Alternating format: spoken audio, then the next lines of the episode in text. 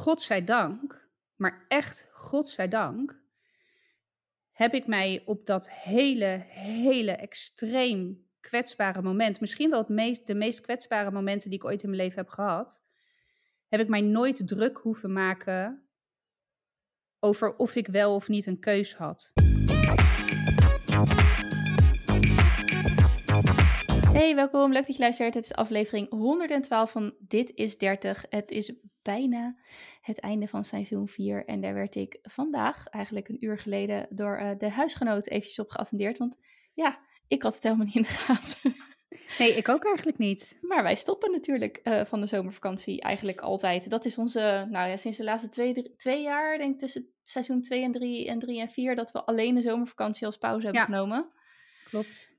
Ja, dus, oh ja, en natuurlijk mijn uitstapje naar uh, een bepaalde Ja. online business school. Even vergeten.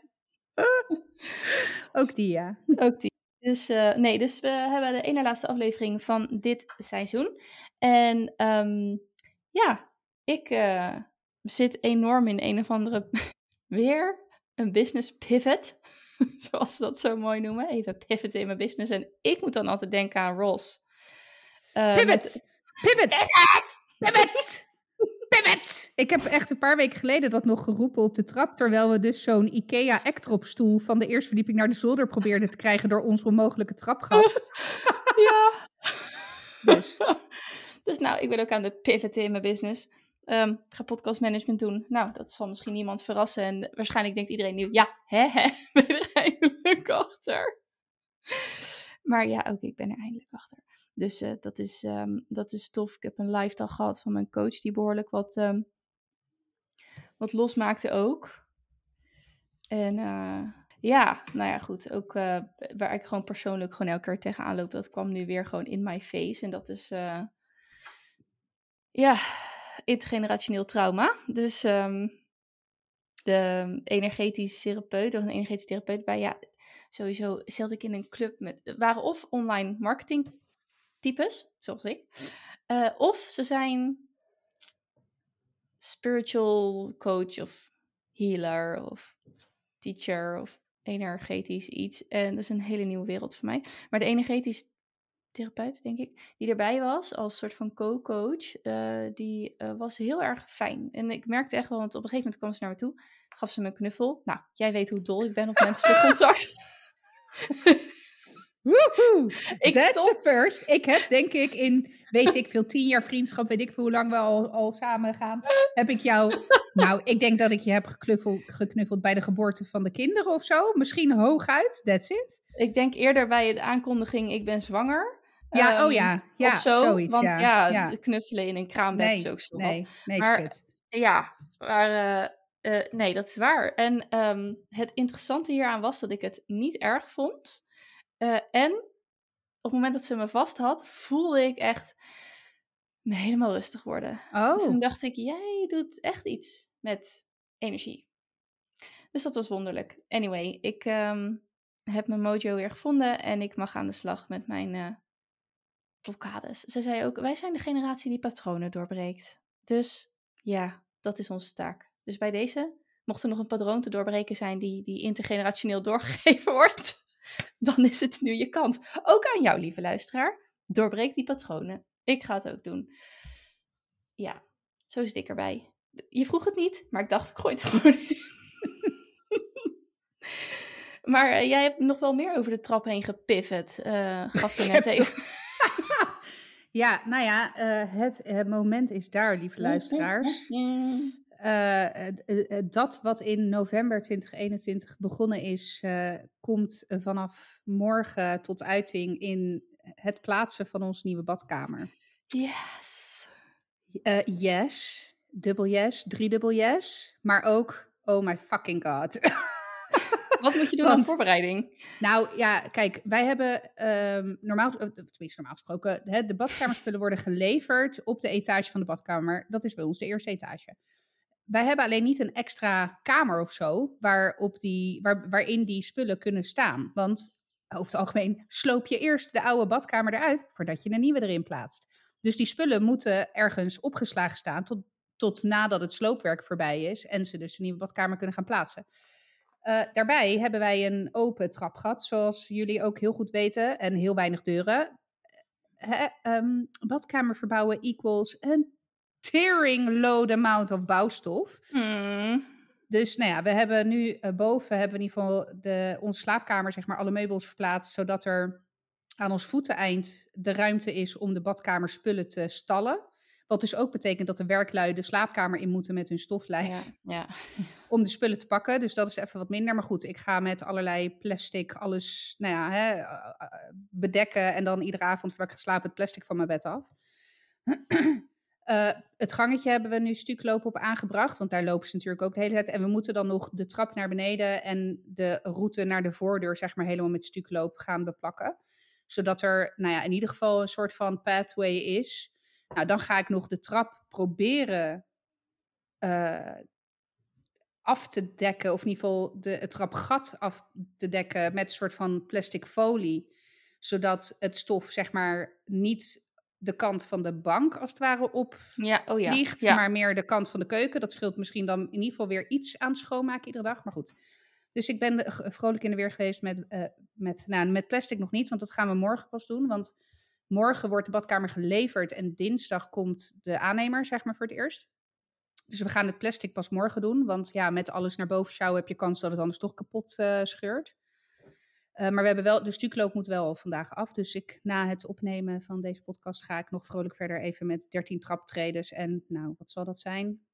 10 vierkante meter aan looproute richting de voordeur. dus dat. Dus dat was mijn weekend. Dus ja. Maar goed, eyes on the prize. Hij komt Ja. eraan. Je biedt Ja. eindelijk. I know, ik kan eindelijk gewoon mijn vulva wassen als ik ongesteld ben. Heerlijk. Ja, ik Ja. eh, ga hem uitproberen. Deze thee. Ergens een keer. Zeker, jij mag Ja. dat. Ja, ik sluit me gewoon even een uur op. Hoe werkt dit? Laat ik het even gaan ervaren. Doe dat. Ja, maar eh, ja, dat komt gewoon allemaal door jouw enthousiasme. Het van het bidet, ja, nee, maar once you've had one, you're never wanna go back, zeg maar. Nee, nee. Gelukkig En ben het ik is, het is, Sorry. nee, ja, het is wel een, echt een Italiaans dingetje hoor, een bidet. Ja, nou, gelukkig ben ik gezegend met een eh urinoir in mijn badkamer. Dus eh, wat dat betreft zou ik graag met je ruilen. Ja, ik ook. Ik zou ook bij mezelf willen ruilen in jouw schoenen. ja, ja. Hij wordt niet meer gebruikt. Ze mogen hem niet gebruiken van mij. Ik bedoel, we hebben dan vier toiletten in dit huis. Vind ik wel schoonmaak genoeg. Jezus, nou ja, jullie hebben natuurlijk boven ook nog een toilet. Ja, ja. Wat op zich heel fijn is. Ja, Maar, eh, want ja, er gaat, er gaat bij mij echt geen nacht voorbij dat ik niet moet plassen. Nou, dat is wel, niet waar. Misschien eh één keer in de twee weken, een keer niet. Oh, echt? Oh, ik Ja. word echt bijna nooit wakker dat ik moet, Oh. van dat ik moet plassen. Tenzij ik een hyper heb gehad, dus hoge bloedsuiker, omdat ik dan heel veel drink. Ja, Dat, zijn de, dat zijn de keren dat ik s'nachts wakker word om te plassen. Maar verder echt, echt nooit. nee, nee, maar dan heb je ook gewoon heel veel eh, vocht ingenomen. Mhm. Dus ja, dat is dan een logisch gevolg. Maar nee, bij Ja. mij is het gewoon... eh, weet je wel, dat ene kopje thee s'avonds, dat eh, moet er Dat echt doet uit het hem al. s'nachts. Ja. Ja, ja. Oké, Dus dat. ja. ehm, nou, we gaan En even toen over- appte, ik ben het zeggen, want en toen appte ik jou. eh, Wanneer appte ik jou eigenlijk? Was dat vanochtend? Mm, Of Geen gisteren? idee. want- Even kijken. Ik moet dan even naar mijn WhatsApp klikken. Nou, je appte me sowieso eh gisteren dat eh, ook bij jou het B-diploma Oh ja. binnen is. Dus dat ik Ja. zie een heel gezellige foto langskomen, dus bij deze. Maar dat appte Nee, jij mij ook gisteren. Ja. ja. Ja, want even los van mijn verbouwingsweekend. ehm, en ik denk dat nou ja, veel luisteraars het dankzij het nieuws ook wel hebben meegekregen dat er. eh, Even, even een trigger warning. Goeie, ja. Ja, ja. ja. We moeten even een, eh, een, een trigger warning erin eh, gooien. We gaan het hebben over, ehm naar aanleiding van Amerika, daar, de daar, bes- daar gevallen beslissing om het recht op abortus te schrappen. Gaan we het over dit, eh, dit onderwerp hebben. Dus bij deze, als je dit eh, triggert, dan eh, zet ons vooral uit. Zoek een, iets anders om nu te doen. En ehm, kom de volgende aflevering gewoon lekker terug. Want als het jou te veel triggert, dan hoef je er uiteraard niet naar te luisteren. Zo, ehm, Ja, goeie. gooi hem er maar in. Ja, nou ja, ik, de- inderdaad van de week. eh, en het, het was natuurlijk al wel eh, in de soort van wandelgangen al bekend dat het zou gaan gebeuren, omdat er eerder een conceptversie was uitgelekt. Ehm, maar goed, het is nu ook echt daadwerkelijk besloten dat ehm, het uh, arrest Joe versus Wade, dat stamt uit 1973. Ja, Roe versus Wade, toch? Roe, oh, sorry, wat zei ik? Joe. Oh, Joe, sorry. Nee, het, is, het was Jane Roe, vandaar Joe. Roe versus Wade is is overturned, zeg maar. Dus, uh, Want wat, wat, wat, ik weet, ik, ik zie het voorbij komen, maar ik heb geen idee wat het is. Nou, het, uh, Roe versus Wade uh, is een, um, een ja, arrest, dus zeg maar een uitspraak die het Hoge Rechtshof, Hoge Rechtshof heeft gedaan in 1973. Die stelt dat het um, recht op abortus besloten ligt grondwettelijk in de recht op privacy. En dat betekent dus dat uh, staten met anti-abortuswetgeving uh, die wetgeving niet meer mochten handhaven vanaf dat moment, omdat het uh, besloten lag in het grondwettelijke recht op privacy. En um, nou ja, dat, hoe dat precies is gegaan toen is eigenlijk ook voor nu niet zo heel relevant. Maar goed, dat, dat heeft in ieder geval het mogelijk gemaakt in heel Amerika, dus in alle staten, om op een legale manier uh, abortus uh, te plegen of uit te voeren. Ik weet eigenlijk ook nooit zo goed hoe je dat nou dan moet zeggen, maar goed. Nee, ik heb uh, daar nog wel een dingetje over. Ik heb gewerkt bij Ciris, dat is een zorgorganisatie rondom onbedoelde zwangerschappen. Het gaat van preventie tot, tot preventie tot het mag geen keuzehulp heten, gaan we het later nog misschien nog wel even over hebben, maar hulp bij, op, bij onbedoelde zwangerschap en opvang van jonge tiener, tiener en jonge moeders en, uh, en ook vaders op een gegeven moment. Um, en wij noemden dat toen abortus doen. Oké, okay, doen. Ja, het, hm, nou, het is niet helemaal. Uh, het, het, is, zeg dat, het, is, het klinkt een beetje plat, maar het bekt niet helemaal. Um, nee, maar goed, maar, ja. ja. Nou ja, weet je, ik, ik heb altijd met dit soort dingen words matter, zeg maar. Mm -hmm, hè, woorden doen ertoe. Dus, uh, maar goed. Um, de reden dat dit mogelijk is, na nou, bijna 50 jaar, is omdat, uh, uh, kijk, het Hoge Rechtshof bestaat uit één Supreme Judge, geloof ik, of Justice Supreme, weet ik veel, in ieder geval één opperrechter soort van, en acht dan, nou ja, zogezegd normale Hoge Rechtshofrechters. En het laatste cadeautje wat Trump Amerika heeft gegeven, is nog even drie zeer conservatieve, de, de nominatie van drie zeer conservatieve rechters binnen het Hoge Rechtshof. Dat betekent dus dat er een conservatieve meerderheid is in het um, Hoge Rechtshof. En dat maakt dus ook mogelijk dat dit soort, uh, nou ja, eigenlijk wetgevingen die verankerd zijn in, of waren in het grondrecht, nu uh, kunnen wankelen, zeg maar. sterk nog wankelen, die, die kunnen dus overturned worden. En um, nou, het gevolg daarvan is dus dat vanaf nu staten vrij zijn, zeg maar, om te bepalen hoe zij anti-abortuswetgeving uh, implementeren dan wel handhaven. Dus er zijn nog steeds uh, hè, de, de zogenaamde progressieve staten, uh, die, um, waarbij er voor de vrouwen van die, die in die staten wonen niet zo heel veel verandert ten opzichte van nu, omdat zij pro-abortus zijn. Maar ja, er zijn ook de zogenaamde, ze noemen het prohibition states, de staten waarin vanaf nu abortus um, nou ja, illegaal is of in ieder geval strafbaar. Want zijn er staten die direct wetgeving aanpassen?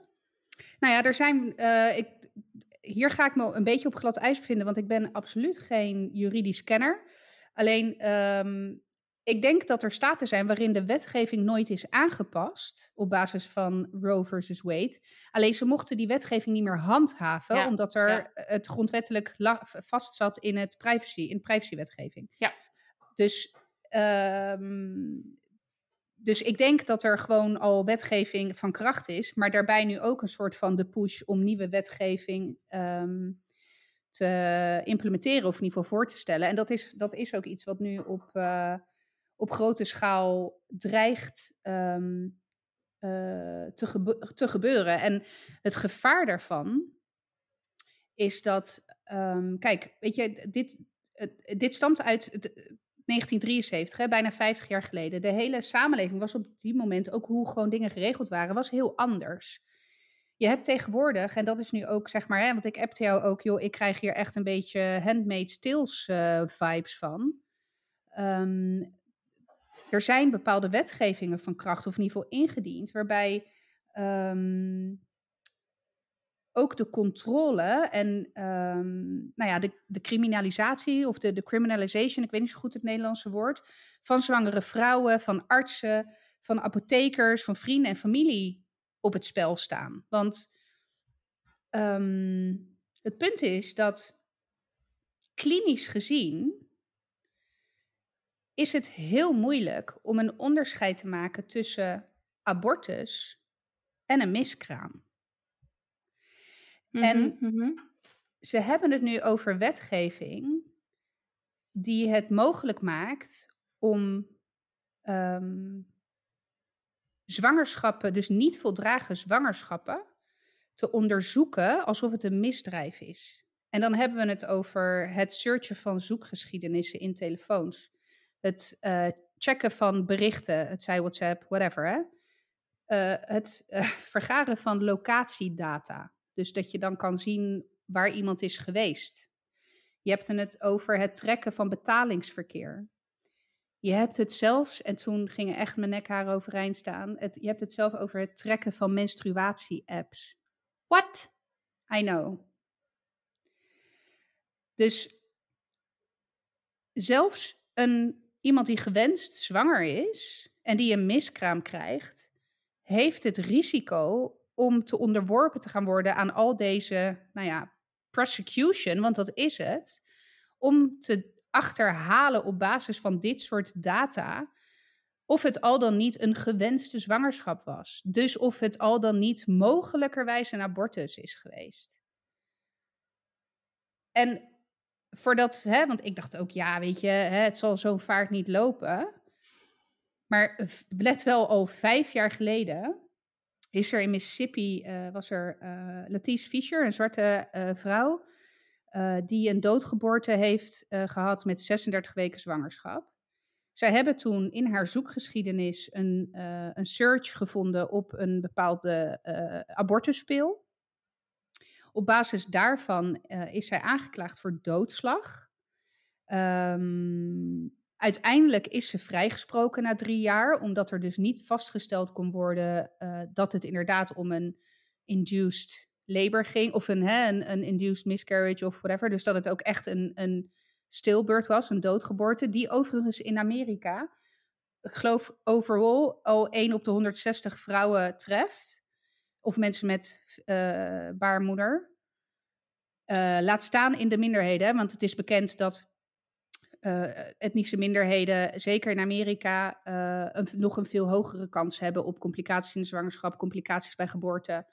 Dus het, het- de ratio binnen de zwarte gemeenschap zal nog wat hoger liggen dan die 1 op 160. Met andere woorden, dit komt helaas heel veel voor, stil, stilboor of doodgeboortes. Ja. Ehm, maar omdat zij dus ooit had, of ooit, in ieder geval in haar zwangerschap blijkbaar heeft gegoogeld op eh, die abortuspil, was dat voor nou ja, die zeer conservatieve prosecutor, dus aanklager, eh, was dat reden om haar dus te vervolgen voor doodslag, second degree murder. Dus het is al gebeurd, het gebeurt al. Laat staan nu zeg maar alle, alles wijd open staat om dit soort dingen zeg maar ehm, te laten gebeuren, zeg maar. Of er is, er is geen rem meer, zeg maar. Er is niet meer een, een eh, Roe versus Wade die, die dat kan indammen. Dus, ehm, dus ja, ik, ik was echt... eh, ik was echt flabbergasted toen ik dat eh, las. Ik, ik heb dit overigens gelezen in een artikel van eh de New Yorker van Gia Tolentino. Die zal ik ook wel linken eh, in, eh, in een story eh, op, eh, op onze Instagram. Want het is echt een, het is echt een heel interessant artikel. Ehm, maar goed, dat is even in een notendop wat er, wat er nu in Amerika aan de hand is. En ehm, ja, dit raakt mij echt heel erg. Ehm, ik schiet gewoon vol. Hm. En, en ik, ik appte jou met, joh, weet je, ik, eh, ik wil hier een thema-aflevering over, eh, over opnemen. Ehm, enerzijds gewoon ook een stukje, nou ja, ja, mensen ook meenemen in net even iets meer dan een, een, een titel in eh, de NOS-app. Ja. Maar anderzijds ook om open te zijn. over uh, abortus. Uh, om het uit die stigmatiserende taboe-wereld te trekken. Want, nou ja, tot aanstaande donderdag, vijf uur ochtends, weet een echt letterlijk een handjevol mensen dat ik ook uh, abortus heb gedaan. Want zo zeg je het. En de reden dat ik dat mm, heel bewust nooit. Het is ook nooit ter sprake gekomen in de podcast. Jij wist het uiteraard al wel. Maar dat is altijd wel een onderwerp waar we soort van omheen hebben gefietst. We hebben het er wel eens volgens mij over gehad tussen neus door. Of in ieder geval. Hè, maar ik heb het nooit zo expliciet genoemd. En uh, als ik dan helemaal eerlijk ben, heb ik zelfs niet één keer, maar twee keer um, abortus gedaan. Um, en godzijdank, maar echt godzijdank, heb ik mij op dat hele, hele extreem kwetsbare moment, misschien wel het meest, de meest kwetsbare momenten die ik ooit in mijn leven heb gehad, heb ik mij nooit druk hoeven maken over of ik wel of niet een keus had. En um, waar ik me wel eigenlijk tot op de dag van vandaag. En ik heb ook best wel wat buikpijn terwijl ik dit zo vertel. Gewoon een beetje spanning.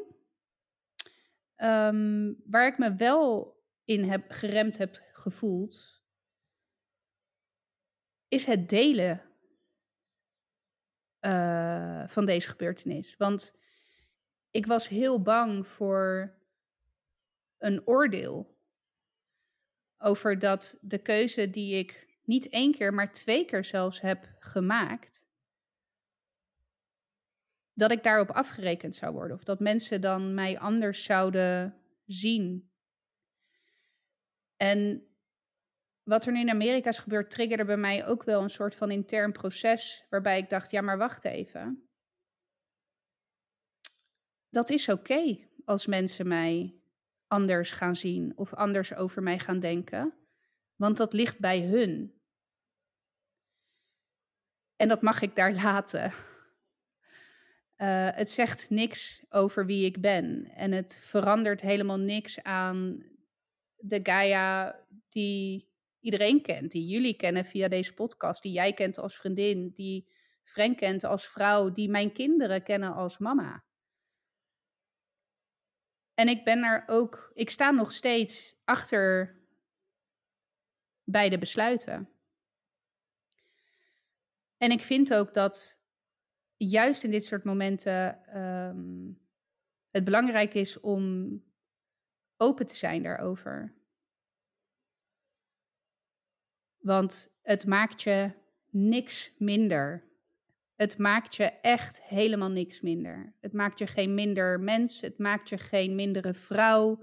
Het maakt je geen mindere moeder als je daarna toch besluit. Sorry hoor, ik schiet even vol als je daarna toch besluit om kinderen te krijgen. Dus ja, vandaar dat ik graag een thema-aflevering, het is toch een lange intro, maar uh, graag een thema-aflevering wilde maken hierover. Omdat het iets is wat me, wat me ja, echt dicht bij mijn hart ligt. En um, nou, ik zei ook tegen Frank van de week, ik zeg, uh, als er ooit een onderwerp is waarvoor ik inderdaad bij wijze van spreken mezelf met secondenlijm vast zou plakken aan een brug, dan is dit het. Ja. Als er ooit, ooit het risico is dat er ook in Nederland zoiets zou gebeuren, dan ben ik de eerste die daar met een megafoon op een brug staat te kanteren. Want dit. dit um... En niet alleen voor mensen zoals ik, hè, die een abortus hebben gedaan, maar juist ook om mensen die dus wel gewenst zwanger zijn, ook de toegang te kunnen blijven geven tot de medische zorg die noodzakelijk is. Maar goed, sorry. Volgens mij, uh, anders kan ik hier een heel uur aan monoloog. Uh... Ja, nou ja, en, en uh, eerlijk gezegd, wat, wat zou het? Want um, in deze um, heb ik zeker niet veel toe te voegen. Behalve dan dat ik ook twee keer een curettage heb gehad. Want dat is het. Uh, maar dan, uh, ja, hoe zou je het zeggen? Onvrijwillig. Ik weet niet of je dat dan zo moet noemen. Maar, um, en ik heb daar ook over nagedacht toen jij met dit, uh, dit, dit kwam, dat ik wat jij net zei over. Ik ben blij dat ik er nooit aan heb hoeven twijfelen dat ik een keuze had. Die vond ik heel. Die kwam wel echt uh, scherp bij mij, uh, bij mij binnen. Want dat is het hele, hele punt. Um, nog afgezien van hoe moeilijk de keuze is, hoe zo'n proces is voor een persoon met een baarmoeder, eventuele partners, in wat voor situatie dan ook. Als de keuze er is, is dat een. Dat, dat, is, dat moet een recht zijn, inderdaad. En daar moet niemand aan hoeven twijfelen. En als je dan met mijn geval vergelijkt. Uh, ik heb mijn miskramen nooit als uh, gelukkig of zo gezien. Maar ik heb me altijd wel gerealiseerd dat ik in die zin blij ben dat ik zelf niet voor de keuze heb hoeven staan. Bij mij heeft, nou ja, zo gezegd, de natuur ingegrepen. Het waren um, zwangerschappen zonder toekomst.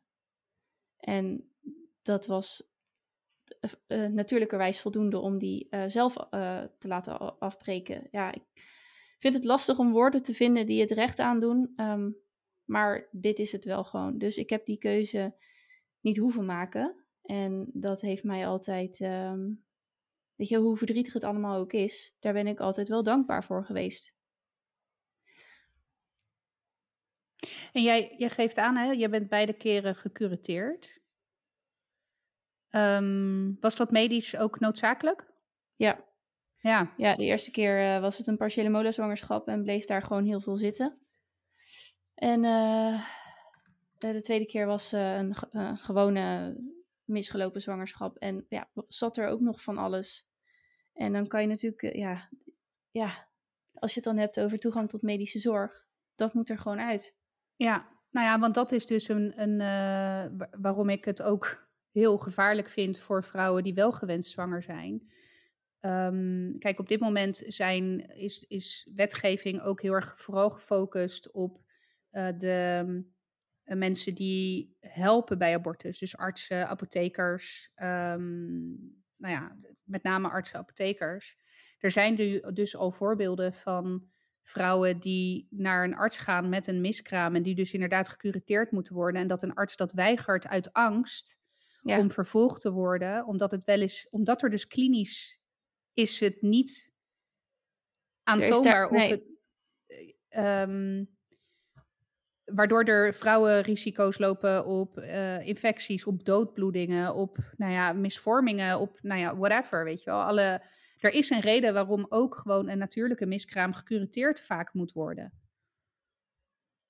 En dat, die zorg wordt nu ook ontzegd aan vrouwen die wel gewenst zwanger zijn. Um, dat vind ik echt heel gevaarlijk. Dat vind ik echt heel gevaarlijk. Even los van het zelfbeschikkingsrecht, want er staat voor mij echt primair op één.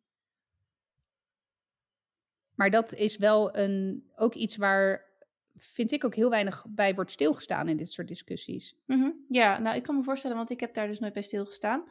Um, het, uh, het, het, het, het, er, is, er zoiets groots dat, dat voor mij dit soort, ja, laten we het dan details noemen, terwijl het natuurlijk ook iets heftigs is, dat zie ik dan gewoon niet.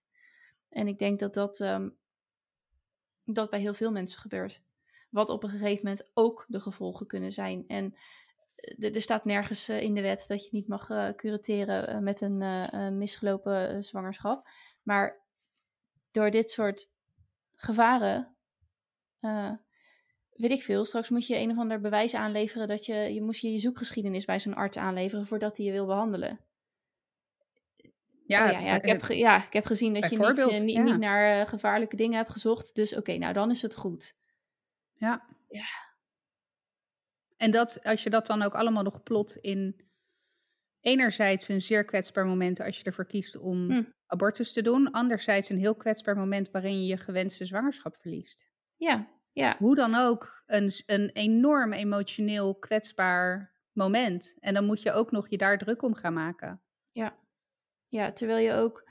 Het is een, het is een emotioneel uh, en kwetsbaar moment, maar het is ook fysiek uh, kwetsbaar. Want ik wil niet zeggen dat ik.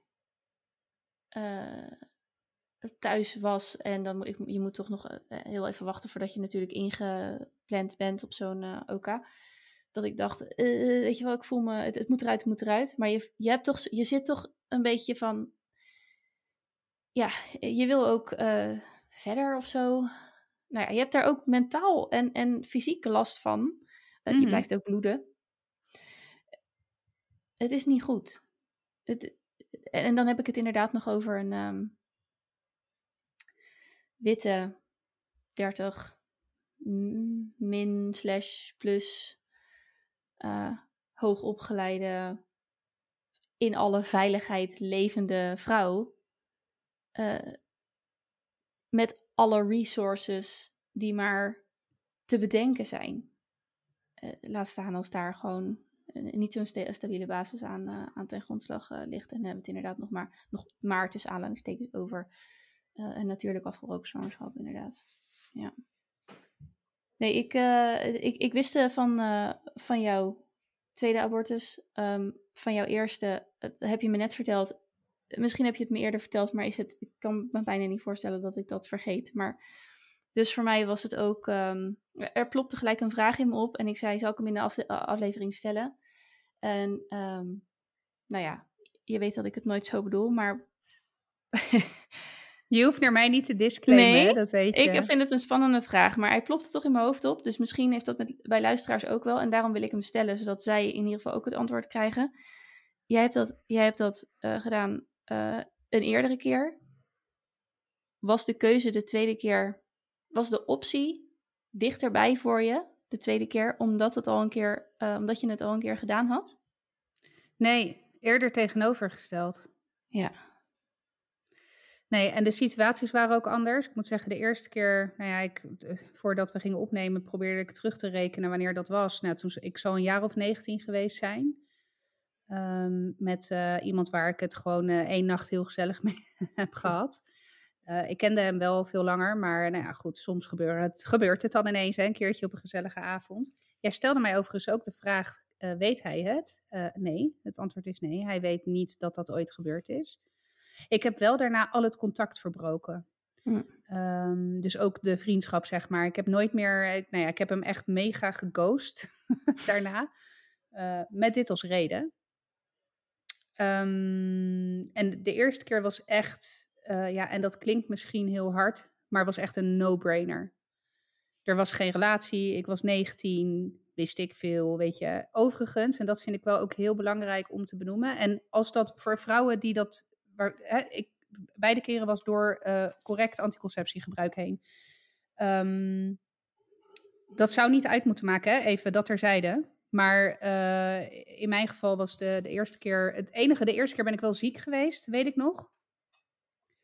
Uh, ergens gedurende die maand, zeg maar. Dus dat kan natuurlijk effect hebben op de pil. En ik had een relatief lichte pil, want ja, ik was 19. Uh, eh, dus de eerste keer was, was door het pilgebruik heen, uh, nou ja, met uh, die jongen. En nou, echt een no-brainer, meteen gebeld. En, en ik weet nog dat ik uit dat roesje kwam. En dat ik echt zo dankbaar was. Dat ik echt gewoon tegen die verpleegkundige en tegen die arts alleen maar, oh, dankjewel, dankjewel, dankjewel, dankjewel. Echt honderd keer dankjewel heb gezegd. Um, dus ik, nee, de, de eerste keer was echt een no-brainer. Uh, de tweede keer daarentegen, daar heb ik heel veel moeite mee gehad. Uh, dat was aan het begin, echt heel erg aan het begin van onze relatie. We waren echt net uh, een paar maanden samen. En um, overigens ben ik na dus de eerste zwangerschap die ik dus heb laten aborteren, uh, op een zwaardere pil gezet. En daarna, voor zover ik niet overzichtig was, nog veel extremer letten op correct pilgebruik. Echt standaard, iedere dag om dezelfde tijd. Um, en de tweede keer uh, weer door de pil heen zwanger. En, uh, maar dat, dat was dus ook met, uh, met Frank. En dat is een man waar ik nu nog steeds mee samen ben. En uiteindelijk heel gelukkig ben met twee kindjes. En ik wist ergens toen ook al wel diep van binnen, ja, dit is hem wel, weet je wel. Dus het was, de situatie was heel anders. Alleen we waren net samen, we woonden, nou ja, in zo'n hadwoning op een postzegel. ik was er gewoon nog niet aan toe. Ik was 21, 22 dan toen. Ik moest nog beginnen met mijn carrière, met mijn leven opbouwen. Ehm, dus ja, dat is wel de reden geweest uh, waarom ik ook toen voor abortus heb gekozen. Maar daar heb ik echt wekenlang um, gehuild, iedere dag. De, die weken, want je had toen ook, dat is overigens in Nederland afgeschaft, maar je had toen had je ook nog een wettelijke bedenktijd van een aantal dagen. En ik kon ook niet meteen de volgende dag terecht. Dus nou, laat ik zeggen dat ik zeg maar, vanaf het moment dat ik wist dat ik zwanger was, uh, tot aan de daadwerkelijke abortus, zal echt wel een week of twee tussen hebben gezeten, denk ik. Um, en die twee weken echt iedere avond alleen maar huilen, huilen, huilen, huilen. Echt heel veel gehuild. En um, waar ik met de eerste me nog heel levendig kan herinneren dat ik een enorme dankbaarheid voelde toen ik uit dat roesje kwam. Kan ik me van die tweede keer herinneren dat ik echt met natte wangen van de tranen tot op het allerlaatste moment, totdat het roesje zeg maar ging werken, ergens een enorme innerlijke tweestrijd heb gevoeld. En een ontzettend diep verdriet. En um, als je de eerste keer naar zo'n kliniek gaat, althans toen, ik weet niet hoe dat nu is, maar dan uh, krijg je een echo. En um, nou, daarna heb je dan dus die, eh, die bedenktijd van, weet ik het wat het was, vijf dagen of zo. Ik weet echt niet meer precies hoe, hoeveel dat was. Maar goed, die echo heb ik mee naar huis gekregen. En uh, die echo heb ik ook geplastificeerd boven in mijn kast staan, zeg maar, als een soort van ja, keepsake of zo, of memorabilia, weet ik veel. In ieder geval een soort van, nou ja, ook erkenning dat dit klompje cellen er is geweest. En, uh, en iedere dag, want de uitgerekende datum, dat weten ze dan, hè, want het is dan ook meteen een soort van termijn-echo om te bepalen hoeveel weken je zwanger bent. En mijn uitgerekende datum was 15 augustus. En iedere, ieder jaar, uh, dus al, nou, dit wordt het elfde jaar. Uh, ieder jaar denk ik daar, denk ik daaraan terug. Nou, en ik, nou ja, ik schiet vol als ik daar dan dus aan denk. Wat niet maakt dat ik er spijt van heb.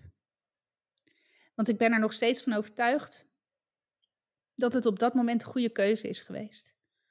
Maar om antwoord te geven op je vraag, was de tweede keer dan makkelijker omdat je het al een keer gedaan had? Nee, absoluut niet. Sterker nog, Frank en ik hebben allebei uitgesproken na, hierna van wat er ook gebeurt, dit doe ik nooit meer. Zeg nooit nooit. Maar nou ja, kijk, hè, stel in het geval dat je een, uh, een medische reden hebt, hè, of uh, dat het. Uh, maar in principe nooit, ja, dit wil ik nooit meer meemaken, die, um, die emotie. Ja. Maar dat doet niks af van het feit dat ik er geen spijt van heb. En dat vinden mensen altijd moeilijk te rijmen met elkaar. nou, altijd, alsof ik het er met iedereen over heb. Maar, want dat heb ik niet. Uh, maar goed. Ik vind het juist een heel uh, krachtig pleidooi. Omdat je, juist omdat je er zo geëmotioneerd door raakt, juist omdat je uh, het hebt aangedurfd, wil ik zeggen, om de herinnering levend te houden. Um, het doet je elf jaar na dato nog steeds heel veel. En niet alleen jou. Ik weet ook dat het de redactie, dat het Frank ook heel veel doet. Dus um, en als je dan zegt dat je nog steeds erachter staat dat het de juiste keuze was, um, dan vind ik dat juist een heel sterk pleidooi uh, voor zo'n keuze en voor de mogelijkheid om dit te kunnen uh, kiezen voor nou, een persoon überhaupt. Want het gaat dan natuurlijk vaak om de persoon met de baarmoeder, maar er zijn natuurlijk ook vaak zat ook wel gewoon nog de, de, de uh, vaders, de, de, de, mannen bij betrokken. Ja. Dus nou ja. Uh, ja. En in die zin hebben we ook echt wel woord bij daad gevoegd. Want uh, Zeno uh, is ook door de pil heen gezwommen. Ja. Alleen dat was een aantal jaar later. Uh, en toen hadden we ook echt. Kijk, het was ook een soort van jumpstart voor hele serieuze onderwerpen. die je normaal gesproken niet al na heel kort samen zijn bespreekt. Nee. Hè? Wil je kinderen? Hoe zie jij, hè? Wat, hoe sta jij in het leven? Enzovoort. Dus we zeggen ook altijd: die periode heeft ons echt gemaakt. Toen wisten we ook, toen we daar doorheen waren: oké, okay, we can fucking face anything, weet je wel? Ja. ja. Um, nou ja, en toen, toen kwam Zeno. Ja. En daar was het ook, maar daar, dat was ook niet ongewenst. Dat was alleen onverwacht. Want ja. we, hadden, we waren wel al in het proces van, oké, stoppen met de pil en wanneer gaan we dan stoppen? Maar ja. En het universum dacht, hot my beer. ja. Wat overigens ook wel, hè, want dat, en dat kan best tegen het CRB zijn van um, luisteraars die uh, moeite hebben met, hè, die vruchtbaarheidsproblemen uh, hebben of die fertiliteitsproblemen hebben. Maar het, aan de andere kant van het spectrum, um, dus het, het, ja, ik noem het maar even overmatig vruchtbaar zijn of zo, ja, dat is ook echt geen pretje. Want ja, um, tot drie keer toe, hè, bij mij. Ja. Door echt, en dat wil ik wel benadrukken, correct pilgebruik. Ja. En dat is ook uiteindelijk ook een van de redenen waarom uh, Frank voor een vasectomie heeft gekozen.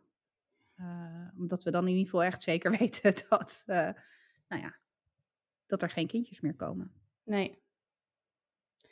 Nee, ik heb de laatste dagen ook nagedacht over hoe ik er tot, tot een paar jaar geleden tegenover stond. En oké, okay, even terug naar mijn opvoeding. ja. Ja, ik ben uh, christelijk opgevoed. Wij gingen naar een hervormde, een Nederlands hervormde kerk. Uh, deel van mijn familie is zwaarder christelijk als je daar zeg maar een zwaarder niveau aan wil hangen. Maar dat gaat... Meer praktiserend, zeg maar. Ja, ja en um, letter van de wet, letter van de Bijbel. Ja. Ehm, mijn opa en oma bijvoorbeeld van de ene kant waren echt... De, ja, echt wel van de oude statenvertaling, zeg maar. En aan de ene kant heeft me. En ook het feit dat ik een heel beschermd leven heb. Er is niets, maar dan ook niets in mijn hele leven wat, onstabiel, hè? wat, een, wat een onstabiele basis zou, had kunnen zijn voor een onbedoelde, uh, onbedoeld kind, laten we maar even zo zeggen. Uh, daarbij komt dat mijn moeder, en dat weet ik nog heel levendig, toen ik een jaar of 15 was, ooit tegen mij heeft gezegd: uh, Als je zwanger bent, dan uh, lossen we dat met z'n allen op. En uh, met, met alle liefde brengen wij het hier groot. Weet je wel, zo, zoiets.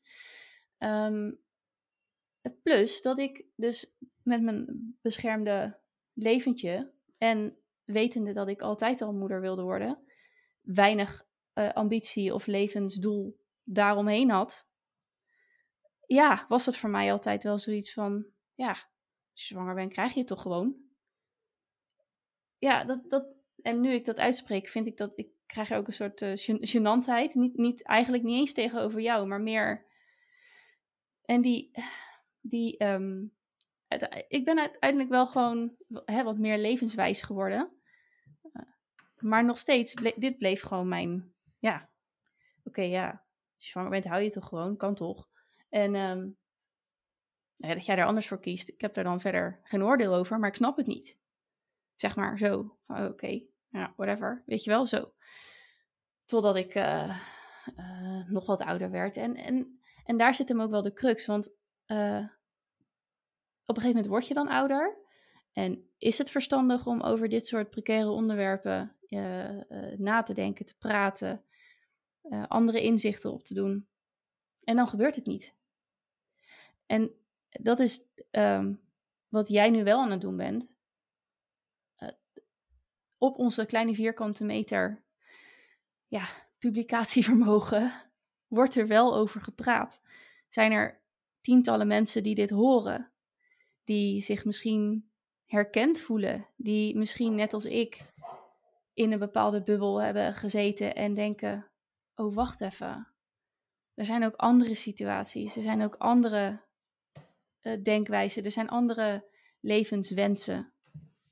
Uh, laat ik mijn mind gewoon wat openstellen.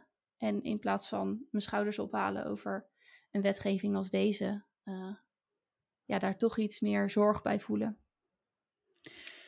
Ja, met, met de toevoeging dat als dat niet zo is, dus als jij nog steeds gewoon overtuigd bent van jouw uh, pro-life uh, principes, ja, dat, dat ook, want dat is de keerzijde, dat is voor mij ook oké. Ik heb daar geen oordeel over.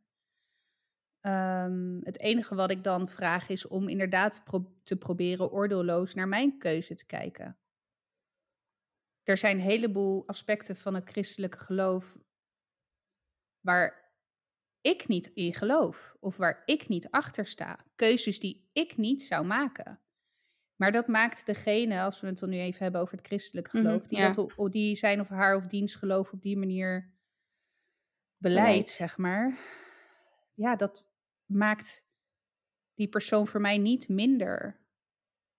Nee. Um, en als er wel nog steeds een oordeel aan, hè, als een, iemand wel nog steeds een oordeel heeft over de keuze die ik heb gemaakt, dan is dat ook oké. Maar dat oordeel dat ligt dan bij diegene en niet mhm. bij mij. En, ja. Ehm, en dat gun ik ook meer mensen die in zo'n situatie zitten. Want nogmaals, de keuze heb ik nooit spijt van gehad. De, de, uh, alleen ik heb me wel altijd druk gemaakt over wat anderen zouden denken van die keuze die ik heb gemaakt. En heel eerlijk, ik kom ook uit een katholiek gezin. Mhm. Ik heb al mijn uh, vorm, of al mijn, uh, god hoe heet dat? Sacramenten heb ik hè, gedaan. Ik heb geen idee, ik ben hervormd opgevoed. Wij doen behalve, niks. Ja, nee, ja, ik heb gedoopt, uh, eerste communie, vormsel. Nou, alleen dat trouwen heb ik even overgeslagen, maar... Daar wachten we nog op. Nee, dus ik, weet je, ik kom ook uit een, uit een katholiek nest. Moet ik wel heel eerlijk zeggen dat mijn ouders uh, altijd volledig achter mijn keuze hebben gestaan, me op elke manier hebben gesteund. Dus dat, weet je, ik heb daar nooit enige vorm van uh, druk gevoeld. Of inderdaad, bijvoorbeeld, hè, van joh, als je zwanger bent, dan. Uh, nee, als je zwanger bent, dan staan we achter je, no matter what. Dat ja. was het. Dat was zeg maar het credo. Ja. En, en dat klopt ook, want de eerste keer is, is mijn moeder meegegaan met mij naar, die, eh, naar de kliniek. De tweede keer is Frank meegegaan. Uh, nou, ik wou zeggen uiteraard, maar dat is helemaal niet zo vanzelfsprekend. Maar bij ons wel. ja. Um,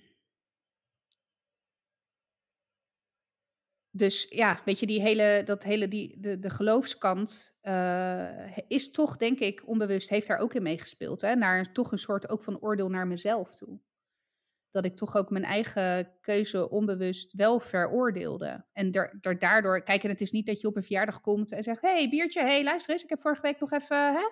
Tuurlijk niet. Dat is. Het is ook niet iets per se wat je hè, op een feestje ter sprake brengt. Maar ook als de vraag gesteld werd of als het onderwerp besproken werd, dan hield ik me heel bewust afzijdig. Terwijl dat, dat, misschien. Ja, sorry. Ja, nee, maar is dat dan ook, want als ik me gelijk een voorstelling maak van het, het onderwerp komt ter sprake, komt ter tafel, er is ook meteen een mening en een oordeel. Er is ook meteen een mening die ik ook had.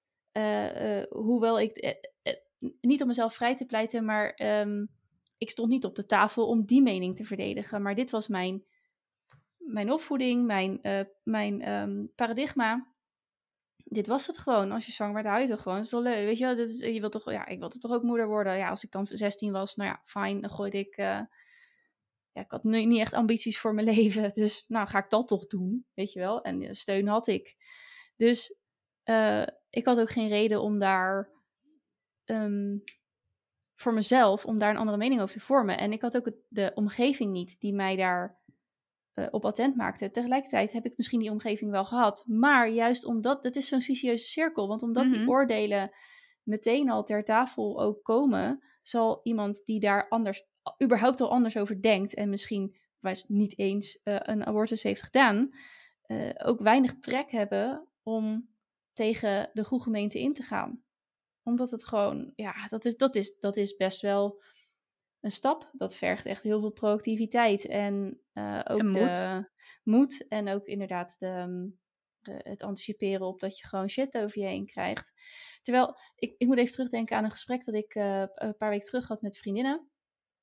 Um, nou ja, ik, uh, ik ben ooit getrouwd geweest, heb het liefde van mijn leven ontmoet en ben vreemd gegaan. Daarvoor had ik daar een hele erge mening over. Dat doe je niet. Dan ben je eerlijk. Dan maak je het uit. Dan ga je scheiden. En dan ga je pas met de volgende verder. Het, het, gaat te ver om hier uit te leggen hoe het precies zat en ging en wat al mijn inzichten zijn. Maar pas toen dacht ik, toen ik dat zelf had meegemaakt, het ligt genuanceerder dan dat. Ben ik er trots op? Nee. Maar hè, het ligt genuanceerder dan dat. Laat ik het daar maar even op houden. Toen hadden we een gesprek over een ander um, stel waar ongeveer hetzelfde heeft plaatsgevonden. En zij zijn nu uit elkaar. En een van de twee in kwestie, die is met de, nieuwe partner, heeft gelijk al hele plannen. Weekendjes weg, vakanties. Nou, dat werd dus ja, besproken. En daar werd over geoordeeld. En prima op zich. Maar ik kom daar gewoon niet mee. Want ik denk, ja, ja, ik ken ook gewoon de andere kant. Dus je hele, je beeld is gewoon veel breder dan dat. Waardoor je dus ook in zo'n gesprek veel rustiger kan, kan blijven en veel meer kanten uh, kan zien. Of over veel meer kanten kan praten. In plaats van dat je gelijk zegt, ja, maar dat doe je toch niet? En ik denk, ja, hoezo? Weet je wel, waarom niet? Terwijl als je die ervaringen niet hebt, als jouw beeld nog wat smaller is, dan ga je daarin mee. Nou ja, als je dan toch in een, in, in een gezelschap zit met een wat smallere ervaring, dan kom je, ja, dan heb je.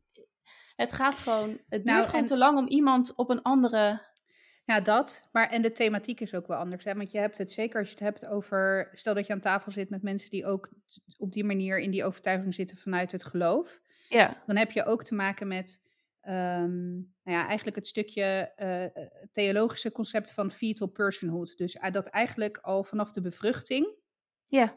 wordt, wat ik daarnet gekscherend een beetje het klompje cellen noemde, wordt al gezien als volwaardig leven met volle, of eigenlijk dus zelfs meer rechten.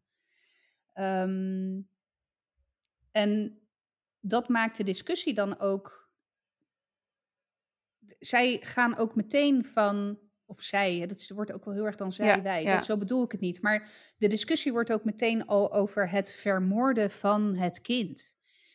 Het wordt gelijk zo'n heftige discussie. Um, het is zelfs de reden waarom um, uh, mensen met een baarmoeder uh, geen uh, spiraal precies. nemen. Precies. Omdat dan geen spiraal heeft, heeft plaatsgevonden. En dat is een eigen keuze en prima. Maar daar had ik, tot, totdat ik ook bij, bij Sirius werkte en we het daar elke dag over abortus hadden en het geloof en wel of niet. Ehm, die nuances. En, en dat, dat maakt dat er zoveel, en omdat dat christelijk geloof ook soms zo diep verankerd zit in iemand, mhm. is, dat, is dat een rechtstreekse aanval. Aanval, ja. Eh, als jij aan zo iemand vraagt, open your mind, ga er anders over denken dan moeten zij zo diep in zichzelf graven, omdat dat geloof zo diep verankerd zit.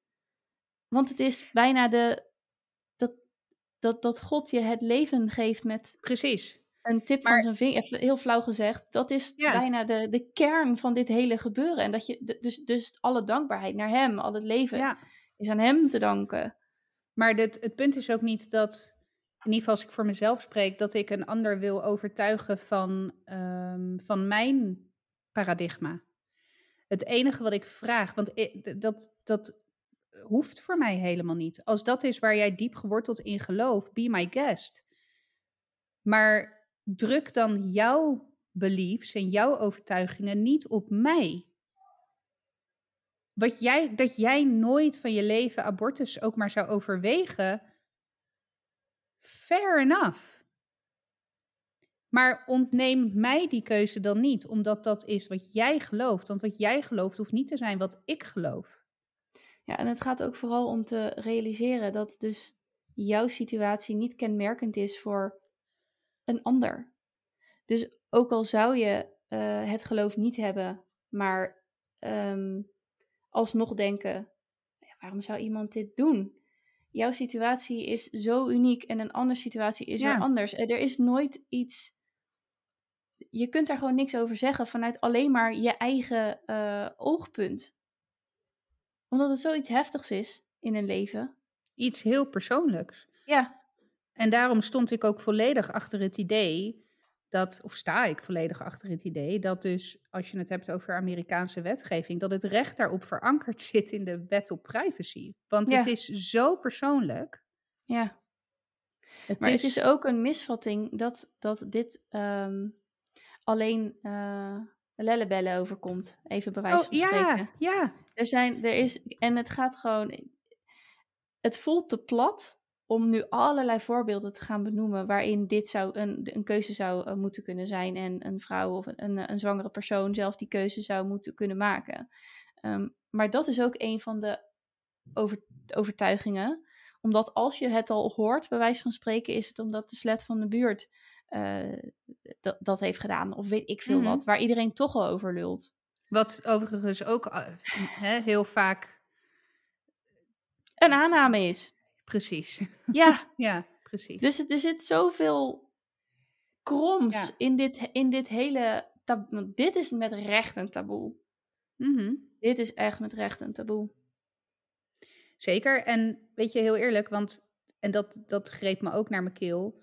Er zijn dus ook staten, eh, zeer conservatieve staten, waarbij dus geen enkel. ehm, dat abortus voor geen enkele reden, zeg maar, geoorloofd is. Dus ook niet bij verkrachting, ook niet bij incest.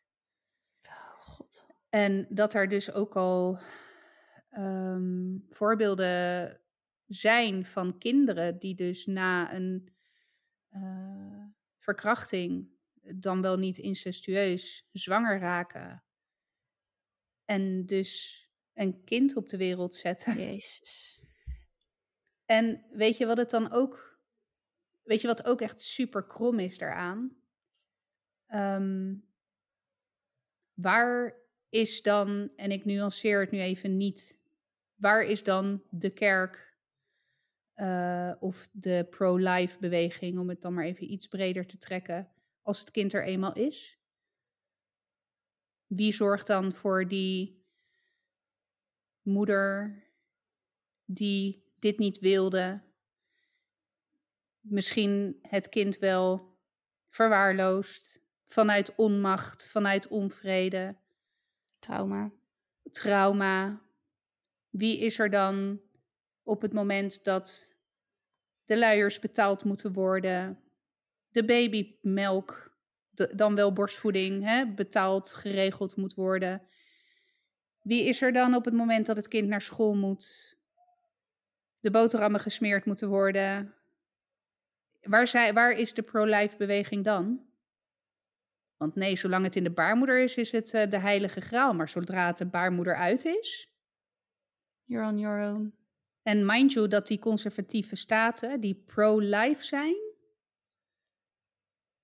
ook de staten zijn waarbij er iedere letterlijk boerenlul een school in kan stappen met een machinegeweer en al die pro-life baby's neer kan knallen. Ja, eh, sorry, ik kan het hier dit ik, ik nu ga ik ook echt wel richting boosheid. Mhm, Ja.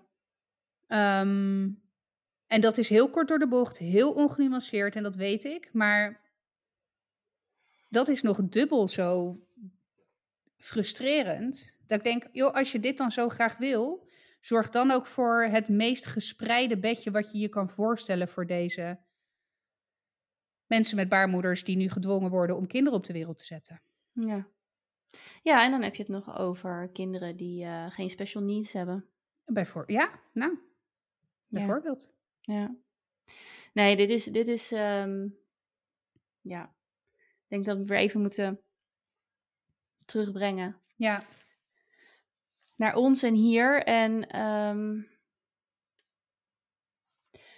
om heel, eh, als ik heel eerlijk naar mezelf kijk, dan oordeel ik niet meer, want dat heb ik wel gedaan. Eh, omdat ik me veel bewuster ben van het feit dat ik oordeel, dat dit, dit is überhaupt oordeel. eh, en dat het niet aan mij is. En dat het iemands keuze, wel overwogen keuze of snel gemaakte keuze of wat dan ook keuze is. En that's oké. Ehm, maar ik moet ook eerlijk zeggen dat toen ik bij Sirius werkte, dat was een klus van negen maanden. Ik eh, verving iemand voor zwangerschapsverlof, acht maanden. Ehm, dat ik heel blij was dat ik er weg was, omdat ik dan niet meer over abortus hoefde na te denken. Het drukte echt zwaar op me. En het, het, het vraagt gewoon best wel, het, het vraagt echt veel van je vermogen om, ehm, om dingen anders te zien. Dus ik merk nu al bij mezelf dat ik, ik kan daar niet eens bij joh. Ik heb niet in de situatie gezeten. Het is nooit voor mij überhaupt een ehm, gevaar geweest dat ik inderdaad geen gesprek bedje zou hebben voor mezelf en voor uh, een eventuele baby. Dat ik iets zou willen, dat ik, weet je wel, dat is gewoon zo'n bewijs van spreken luxe positie dat, uh, dat ik gewoon. Uh, ik, ik moet dan denken aan die verhalen van uh, Marie-Antoinette in de Franse revolutietijd. dat, dus, dat, dus gaat dan een verhaal dat zij vraagt: van wat staan nou al die burgers daar te schreeuwen? Weet je wel, wat, wat, wat is het nou eigenlijk? En dan zegt iemand: ja, ze hebben geen brood. En dan zegt ze: ja, dan eten ze toch cake? Terwijl, snap je? Zo, ik voel me zo'n ja. beetje de Marie-Antoinette van: ik kan het me niet eens voorstellen. Want en, en, en, daarom heb ik hier ook eigenlijk helemaal niks uh, te, te, zoeken in zo'n gesprek. Zeg maar in die zin om, om inhoudelijk iets bij te dragen. Behalve dan uh, uh, dat, ik, dat, dat, dat mijn hart ook wel echt brak en huilt voor alle andere mensen. Die inderdaad, nou ja, zoals jij zo mooi in het begin zei, niet eens een keuze meer hebben nu. Nee, Nee, zeg precies. Met daarbij ook nog wel, want je, je schetst net van, joh, ik heb hier niks uh, van te vinden of niks uh, inhoudelijks aan toe te voegen, want ik ja, had een gespreid beetje. Of sorry, ja. Ja. Uh, en ik, ik, daarbij wel, hè, het is niet zo dat de, mijn keuze werd gevoed door het feit dat ik dat niet had. Want ik, ik, in beide gevallen had ik het ongeboren kind een prima leven kunnen bieden. Ja, het Alleen, is meer... Ik wilde, een, een... ik wilde het niet. Nee, Nee, en bij mij is um, ja. mentaal altijd het bedje gespreid ook geweest. Ja. Al sinds ik kind was. Ja. Ik ging moeder worden. En meer dan dat wilde ik niet in het leven. Even heel plat geslagen, maar ja, ja eigenlijk was dat wel zo. Ja. Dus ook mentaal was het voor mij helemaal geen enkele, of, of, of, nou ja, wat dan ook. Dus ja, ja. Dus ja, nou ja, ik, mijn hart huilt voor, uh,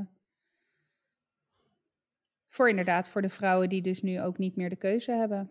Nee. Of waarvan de keuze ontzettend uh, bemoeilijkt wordt. Nou ja, en dat is ook, dat is ook uh, het, het ellendige dat uh, die hele uitspraak van you can't ban abortions, you, only, you can only ban safe abortions. Want vrouwen, de mensen met baarmoeders die zwanger zijn, die gaan die keuze maken. One way ja. or the other. En ja, waarbij ellende. als je, het, als je het hebt over vrouwen die uh, uh, opportunities hebben, die kunnen natuurlijk naar een andere staat. Naar ja. een, een, staat waar dat wel kan. Maar goed, dat kost geld. Uh, vrouwen die dat niet kunnen, die zullen hun, hun hel zoeken in bijvoorbeeld, dat gebeurt nu al veel, vrouwen die naar New Mexico gaan en daar op hoop van zegen pillen krijgen of een procedure krijgen. Uh, en in het allerergste geval uh, misschien toch nog vrouwen die uh, het zelf proberen. Er zijn van vroeger genoeg verhalen bekend van, nou ja, vrouwen die zichzelf van de trap af laten vallen. Of de, de, bekende coathangers, dus de, de kledinghaken. Ja, dat gaat dan oh. over breinaalden. Ja, dat ja. gaat allemaal wel heel ver. En ja, maar dat je, kan je gelukkig, je dat je zo ja, wanhopig bent. Ja, Kijk, en gelukkig tussen aanhalingstekens, want de keerzijde is wat ik aan het begin van dit verhaal schetste over nou ja, controle.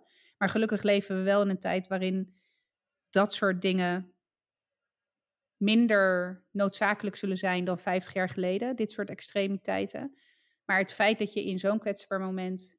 Nou ja, ik heb nooit. Er, in, het, het, is voor mij niet eens een vraag geweest of ik de keuze had. En voor deze vrouwen is ja. dat de eerste ja. vraag die ze zichzelf moeten stellen. Ja. En, uh, en dat vind ik ontzettend verdrietig. En ik hoop echt oprecht dat, um, dat het hier in ieder geval in Nederland uh, nooit, zover, uh, nooit zover hoeft te komen. En anders sta ik daar met mijn megafoon.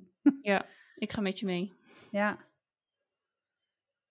Dus dat, en ik moet ook wel zeggen, um, met het feit dat er nu een overwegend conservatieve hoge gerechtshof is in Amerika, uh, ben ik ook wel huiverig naar, of kijk ik met huivering uh, naar de toekomst als je het hebt over rechten van minderheden in Amerika. Het zij etnisch, het zij gender, het zij uh, nou ja, transgenderrechten, LGBTQ-rechten. Uh, in ieder geval alles hetero. wat niet precies.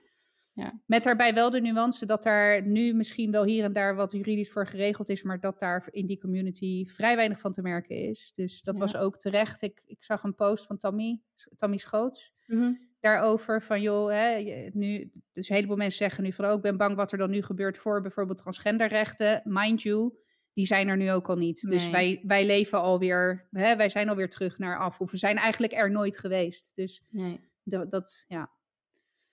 Dus ja, we gaan het zien. Maar um, ik ben in ieder geval blij dat ik het heb verteld. Um,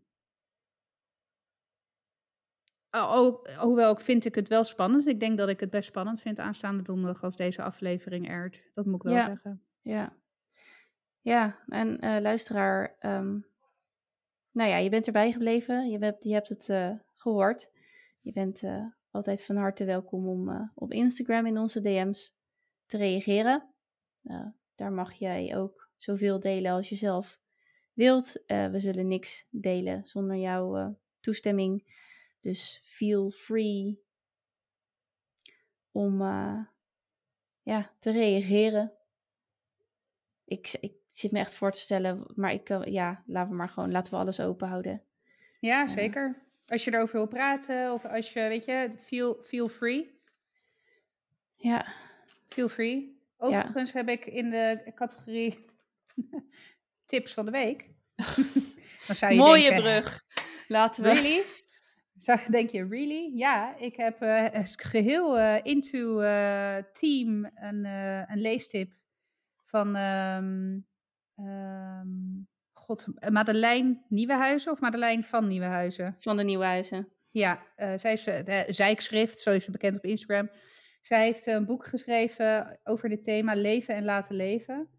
en ik ben eraan begonnen en um, ja, tot nu toe, ze begint met een met haar eigen verhaal. En dat is ook mooi om te zien. En, en uh, daar vind ik ook veel herkenning in. Vooral ook in het stukje kwetsbaarheid om dit dan te delen. Met, uh, zeker met, nou ja, als je een aardige following hebt, dan is dat best spannend. Ja. Nou ja, wat dat betreft, uh, dank je wel, zowel Madeleine als jij. Want het begint wel met um, vrouwen, mensen met een baarmoeder, mensen met dit verhaal. Um, die dat aandurven, die dat willen. Dus daar ligt grote dankbaarheid, denk ik ook richting, uh, richting jou en richting uh, Madeleine en richting vele anderen die, uh, die dit aandurven om, nou ja, het wat minder zwart-wit te willen maken. Door mensen te raken met hun eigen verhaal. Want dat is wat, uh, wat je moet, dat is wat er, dat is, dat is de enige manier om verandering te bewerkstelligen. Dat mensen geraakt worden en daardoor anders gaan denken. En het opener wordt. Ik heb geen tip. Maar, sluit je ehm, je lekker aan bij mijn tip? Ja, ik sluit me geheel aan bij, uh, bij jouw tip. En ik uh, ga de aflevering ook afsluiten. Het was een bijzondere, bijzondere aflevering. Bedankt. Ja, en, graag uh, gedaan. Luisteraar, je weet waar je ons kan vinden. Op Instagram, dit is 30 podcast. En um, we hebben ook altijd de mail nog. Dus mocht je je niet comfortabel voelen, maar wel heel erg. Uh, of, eh, maar je wilt wel graag reageren. Of, of het is nodig om te reageren voor je. Of, of wat dan ook. Dan kun je ons ook nog een mailtje sturen op dit30.gmail.com. Um, ehm, als je dat prettiger vindt.